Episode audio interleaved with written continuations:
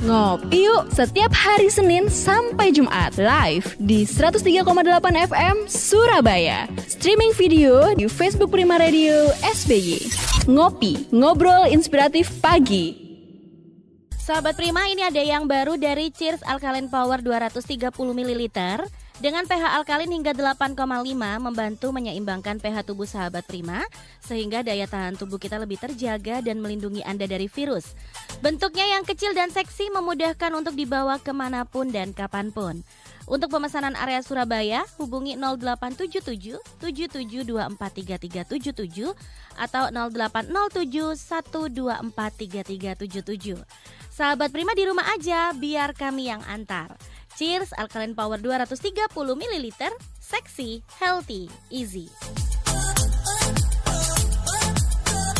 Masih di ngopi ngobrol inspiratif pagi, masih bersama Bapak Roni Hamustamu selaku Direktur Kuadran Consulting. Pak kembali ke topik kita the real value of happy customer. Berarti bagaimana Pak kita tahu kalau oh ya customer saya ini sudah happy, udah puas nih. Ini bagaimana Pak kita tahunya Pak Roni? Ya, ada yang namanya pengukuran. Oke. Jadi kita harus mengukur nih supaya kita tahu. Hmm. Kenapa? Karena pelanggan itu kan secara prinsip ada dua ekstrim. Satu ekstrim puas, satu ekstrim tidak puas. Yang di tengah kan biasa-biasa aja. Iya. Dia nggak nggak nggak terlalu peduli kan. Pokoknya Mm-mm. saya bayar sesuai, saya peroleh sesuai. Udah selesai. Dia nggak mikir. Mm-mm. Tapi kan ada yang ekstrim kiri, ekstrim kanan. Mm-mm. Nah, kalau ekstrim kanan itu yang kita sebut sebagai happy customer kan. Oke. Jadi orang yang happy maka dia akan membuat bisnis kita lebih efisien. Kenapa? Karena biaya marketing bisa turun tuh. Hmm. Kenapa kok bisa turun ya? Karena dia menjadi dalam tanda kutip promoter kita, influencer kita tanpa perlu kita bayar.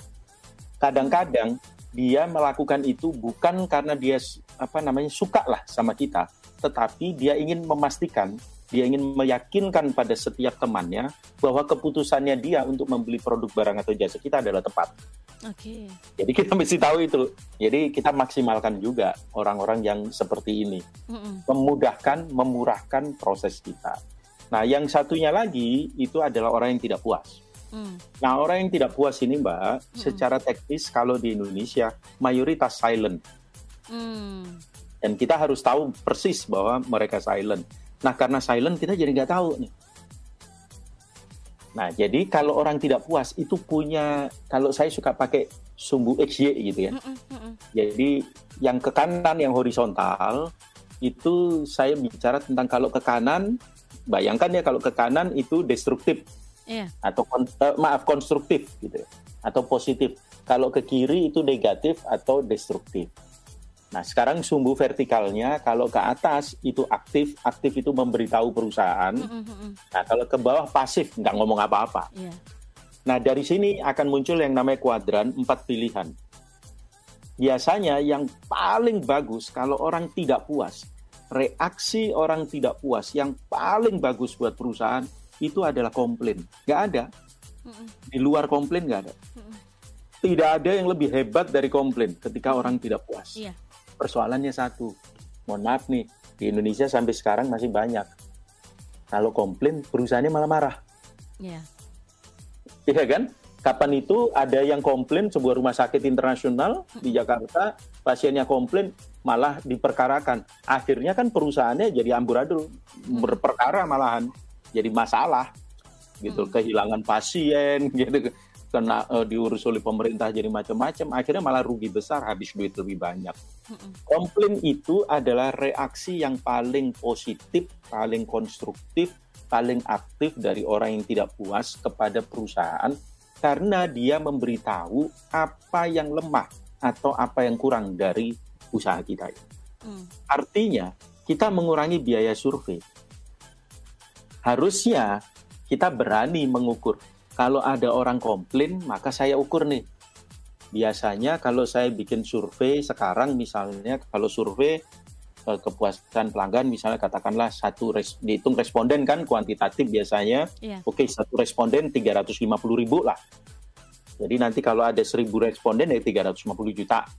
Nah, maka ada item 350 ribu. Maka kalau ada orang komplain sama saya, maka harus saya beri ucapan terima kasih.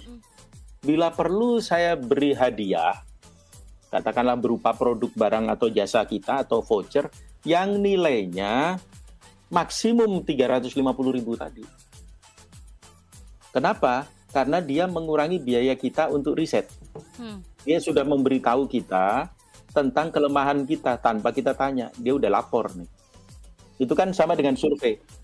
Nah, orang kalau tidak puas, terus kita bilang, mohon maaf atas ketidaknyamanannya, terima kasih masukannya, kami akan perbaiki. Sebagai ucapan terima kasih, mohon diterima voucher 100 ribu. Dia udah senangnya setengah mati. Padahal kita kan jadi hemat 250 ribu. Yeah. Nah, persoalannya, kita ini sering masih punya mindset zaman penjajahan Belanda. gitu. Kalau komplain, malah diserang dia. Itu salah besar. Karena komplain adalah reaksi paling positif, paling konstruktif, dan paling aktif dari orang yang tidak puas. Nanti ada orang yang tidak puas, dia aktif memberitahu perusahaan, tapi negatif. Apa itu? Quit, keluar. Hmm. Saya biasanya belanja air minum dalam kemasan di toko Anda, hmm. saya udah nggak beli lagi. Kalau hmm. dipesan Pak Roni kok nggak uh, kok nggak beli kalau di telepon ya? Kok kok nggak beli lagi di tempat kami? Sudah lama apakah airnya uh, masih ada? Perasaan ini mestinya sudah kosong. Kan saya bilang oh maaf saya sudah beli di tempat lain. Ya ya. Nah artinya itu quit memberitahu. Anda akan tahu dari tagihan kok kok nggak ada lagi nih orang? Kan gitu. Berarti dia udah quit. Berarti sebenarnya berarti sebenarnya Pak lebih baik kalau customer itu komplain ya? Karena kita bisa uh, istilahnya kalau bahasa Jawanya itu ngemong. Dan itu bisa membuat customer itu kembali lagi ke kita kan Pak? Sekalipun mereka sudah komplain akhirnya malah makin deket kan Pak? Karena memang ada beberapa uh, teman saya yang punya usaha nih Pak. Ada yeah. Iya. uh, ketika customer itu komplain dilayani dan dilayani eh akhirnya malah kita nggak kehilangan customer tersebut. Tapi malah, malah dia ngajak teman. makin deket dan akhirnya ya akhirnya repeat order malahan ke kita. Bisa iya, terjadi dan ngajak itu. teman. Iya. Dan ngajak teman. Itu itu memang betul hmm. karena itu satu-satunya langkah yang paling baik hmm. dari peristiwa orang tidak puas okay. ketika dia komplain. Layani dengan baik, dengarkan. Bahkan Anda bisa mengatakan, setelah kami telusuri memang ternyata nggak bisa diapa-apain kondisinya kayak begini mm gitu ya. Mm Tapi mohon maaf ketidaknyamanannya gitu. Mm Apa yang bisa kita bantu begini-begini ya, dan sebagainya. Dia empati juga, dia tahu. Mm. Gitu.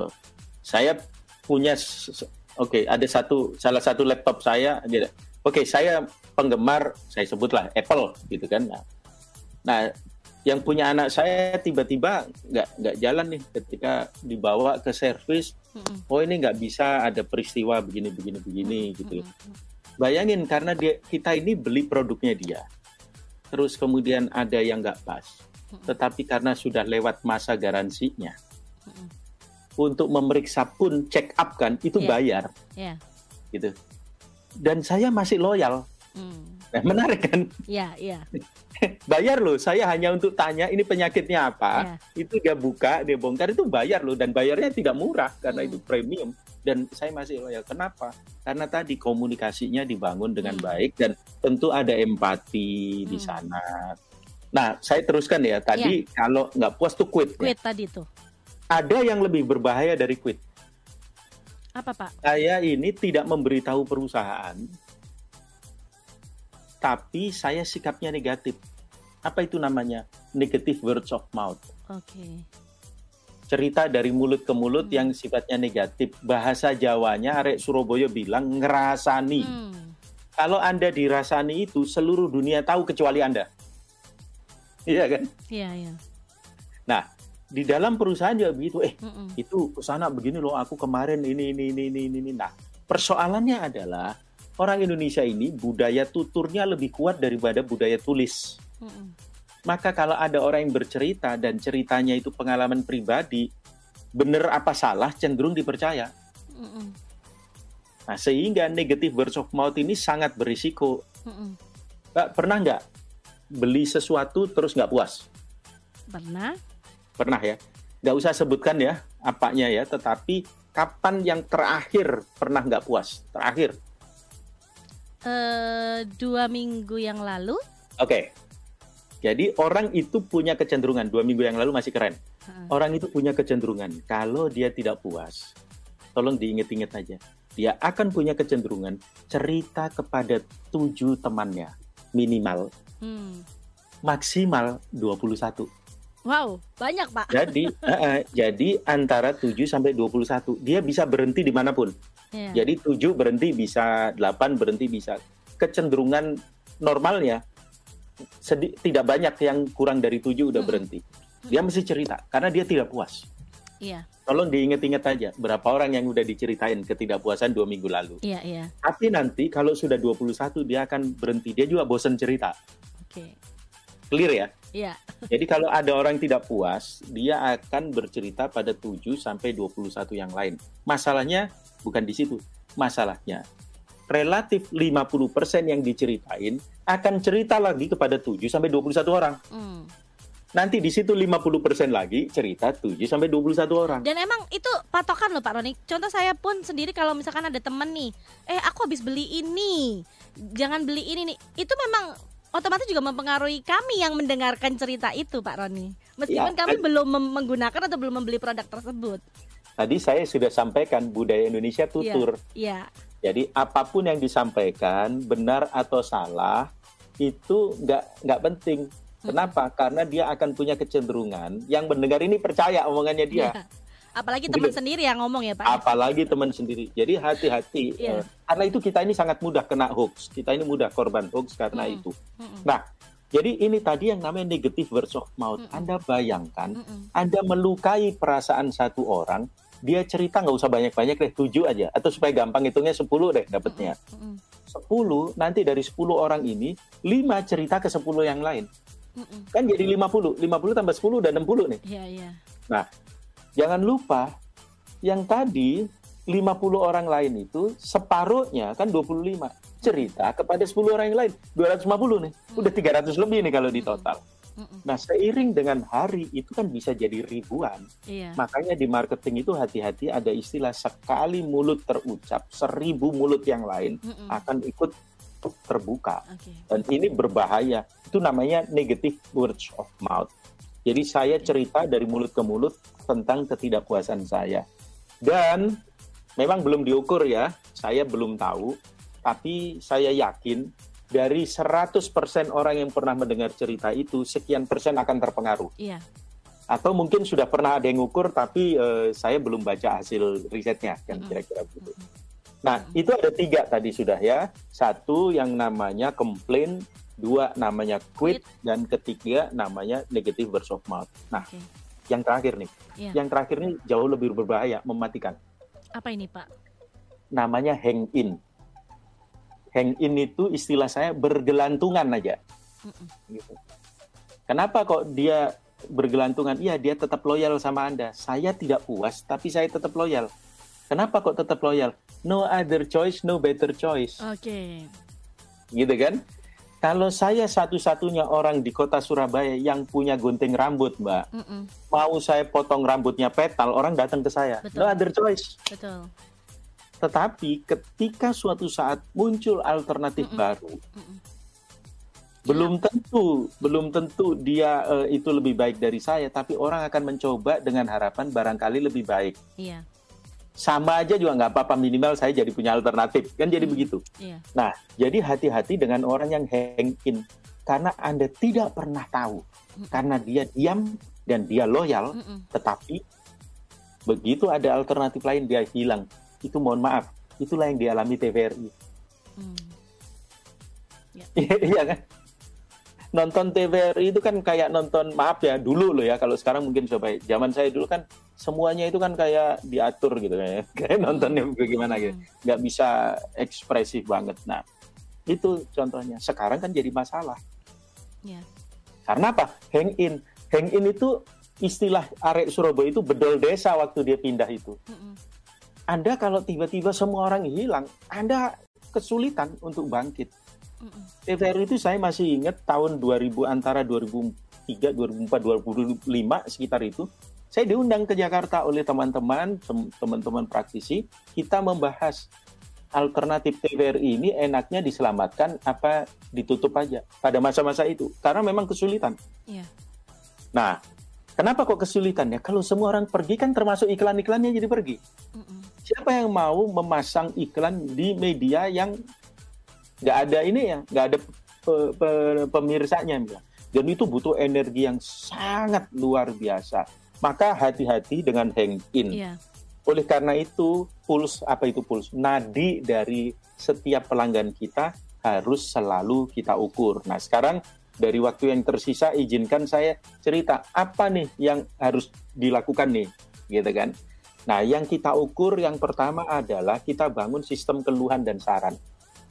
Di bank itu kan suka ada ya di layanan-layanan pemerintah sekarang ini silakan kasih apa itu namanya icon ya Iya. eh, emosi emoticon ya mau gambar orang senyum eh, biasa sama orang tidak puas silakan Mm-mm. nah di situ ada sistem keluhan dan saran boleh pakai seperti itu boleh pakai ya sekarang orang survei apa dikirim lewat eh, eh, gadget segala macam silakan Mm-mm. intinya ada kita menyerap eh, suara pelanggan Mm-mm. Dan baik itu keluhan juga kita beri. Kan sekarang mulai banyak tuh nomor yang tidak bayar kita telepon Iya. uh, untuk menyampaikan keluhan. Itu boleh. Saran juga bisa karena saran dan keluhan itu adalah bagian dari survei. Jadi kalau ada yang aktif itu kan berarti mengurangi biaya survei gitu. Nah yang kedua adalah kalau kita misalnya retail gitu ya. Nggak usah ragu-ragu sesekali bayar orang untuk jadi ghost shopper. Mm. Gitu atau eh, kadang disebut juga eh, apa ini namanya mystery guest. Ada satu perusahaan retail dulu eh, apa operation manajernya itu teman saya. Waktu kami masih sama-sama muda lah. Masih umur masih keren. Gitu. Nah dia sempat bilang saya Ron kamu mau? Aku kasih surat. Ambil aja di tokoku itu. Apa yang kamu mau ambil mahal-mahal kayak apa pun silahkan kalau berhasil keluar itu rezekimu. Tapi kalau ketangkep sama security tunjukkan surat ini. Gitu kan? Mm. surat ini adalah bahwa saya ghost shopper. Gitu. tapi saya bilang enggak mending kalau cuman sekedar ditangkap gitu. Kalau digebukin dulu kan repot aku. Saya bilang gitu. Saya nggak mau. Itu teman kuliah saya sebetulnya gitu. ah, nggak mau nggak mau waktu itu kita sama-sama muda belum menikah lah gitu tapi dia udah nah itu namanya ghost shopper itu untuk menguji menguji misalnya kalau di retail kan banyak barang yang hilang Iya, iya. gitu loh. Hilang itu bisa karena hilang akibat hilang diambil orang atau kalau expired itu urusan lain lagi gitu. Nah, itu dia ngetes. Nah, Go Shopper itu termasuk mengetes tentang quality. Nah, di perhotelan di bidang hotel itu ya, sesekali saya dapat nih Mm. undangan. Pak, jadi tamu ka- kami syaratnya cuma satu. Saya wajib mengisi kuesionernya. Ya udah, lumayan kan nginep gratis. nginep gratis, makan pagi gratis, tapi habis itu memberi review. Nah, itu boleh dilakukan. Oke. Nah, yang ketiga adalah kalau ada orang yang keluar, kalau ada orang yang keluar yang exit yang nggak beli lagi, Mm-mm. kalau boleh, kalau memungkinkan, kita lakukan exit interview. Mm. Kenapa nutup rekeningnya nih kalau di bank kan? Kenapa uh, akun apa alasannya dan begini. Sehingga kita tahu apa yang dia tidak puas gitu. Atau kalau enggak kita juga secara aktif mengundang uh, para peneliti untuk melakukan survei kepada mantan pelanggan. Mm. Nah, baru yang terakhir itu adalah kita lakukan survei kepada pelanggan tentang kepuasannya dia. Apa definisi dia tentang puas? Sudah bergeser atau masih tetap? Dan yang kedua, pada saat ini dia puas atau tidak puas? Apa yang menyebabkan dia puas? Apa yang menyebabkan tidak puas? Item apa yang dianggap lebih penting untuk diperhatikan demi kepuasannya? Dan apa yang tidak terlalu penting? Karena nanti bisa jadi kondisinya adalah yang jadi perhatian oleh semua staf kita justru sesuatu yang dia anggap nggak penting. Saya beri satu contoh. Suatu saat saya lakukan survei pada level Jawa Timur atas permintaan sebuah perusahaan membandingkan antara pelanggan, pelanggan dengan pegawai. Ternyata match. Apa yang dikeluhkan paling besar oleh pelanggan pada saat itu justru adalah item yang paling diremehkan oleh pegawai. Dia nganggapnya nggak penting, hmm. tapi ternyata itu yang paling dikeluhkan. Oleh karena itu, pada saat itu kan kami diskusi, kenapa kok yuk punya market share nggak tumbuh-tumbuh? Berat banget. Apa sebabnya? Katanya sudah melakukan usaha. Ternyata di situ apa yang dianggap remeh oleh pegawai kita di titik yang paling penting yang bertemu, yeah. jadi titik temu dengan pelanggan, itu ternyata yang dianggap remeh itu adalah ternyata yang dianggap sangat penting oleh pelanggan. Okay. Contoh aja lah, kalau rumah sakit, mulai dari apa? Tukang parkirnya. Hmm. Itu kan kita ketemu langsung nih. Meeting pointnya kan di situ. Poin hmm. kita ketemu dengan resepsionis, bagian antri dan sebagainya. Dokter malah terakhir. Yeah. Nah, kira-kira itu, Mbak. Jadi ya. hati-hati yeah. semua harus kita ukur dengan baik. Terima kasih, Mbak. Baik, Pak Roni, terima kasih banyak untuk hari ini ilmunya luar biasa. Ini buat uh, sebagai tolak ukur nih untuk pelaku usaha tadi ya. Hati-hati untuk yang hang in tadi ya. Ketika no other choice, no better choice nih ketika ada uh, satu rival wah, bisa habis kita. ya, Baik. Betul. Pak Roni, uh, untuk sahabat Prima atau pendengar yang lain yang ingin konsultasi lebih lanjut, ini menghubungi Pak Roni di mana? Boleh di IG saya ya. Mustamu Roni at Mustamu Roni R O N N Y gitu. atau di handphone juga saya terbuka aja di WA aja 081 5521 2155. Oke. Terima kasih. Baik, terima kasih Pak Roni. Sampai berjumpa di lain kesempatan. Selamat pagi Pak. Salam sehat. Salam sehat.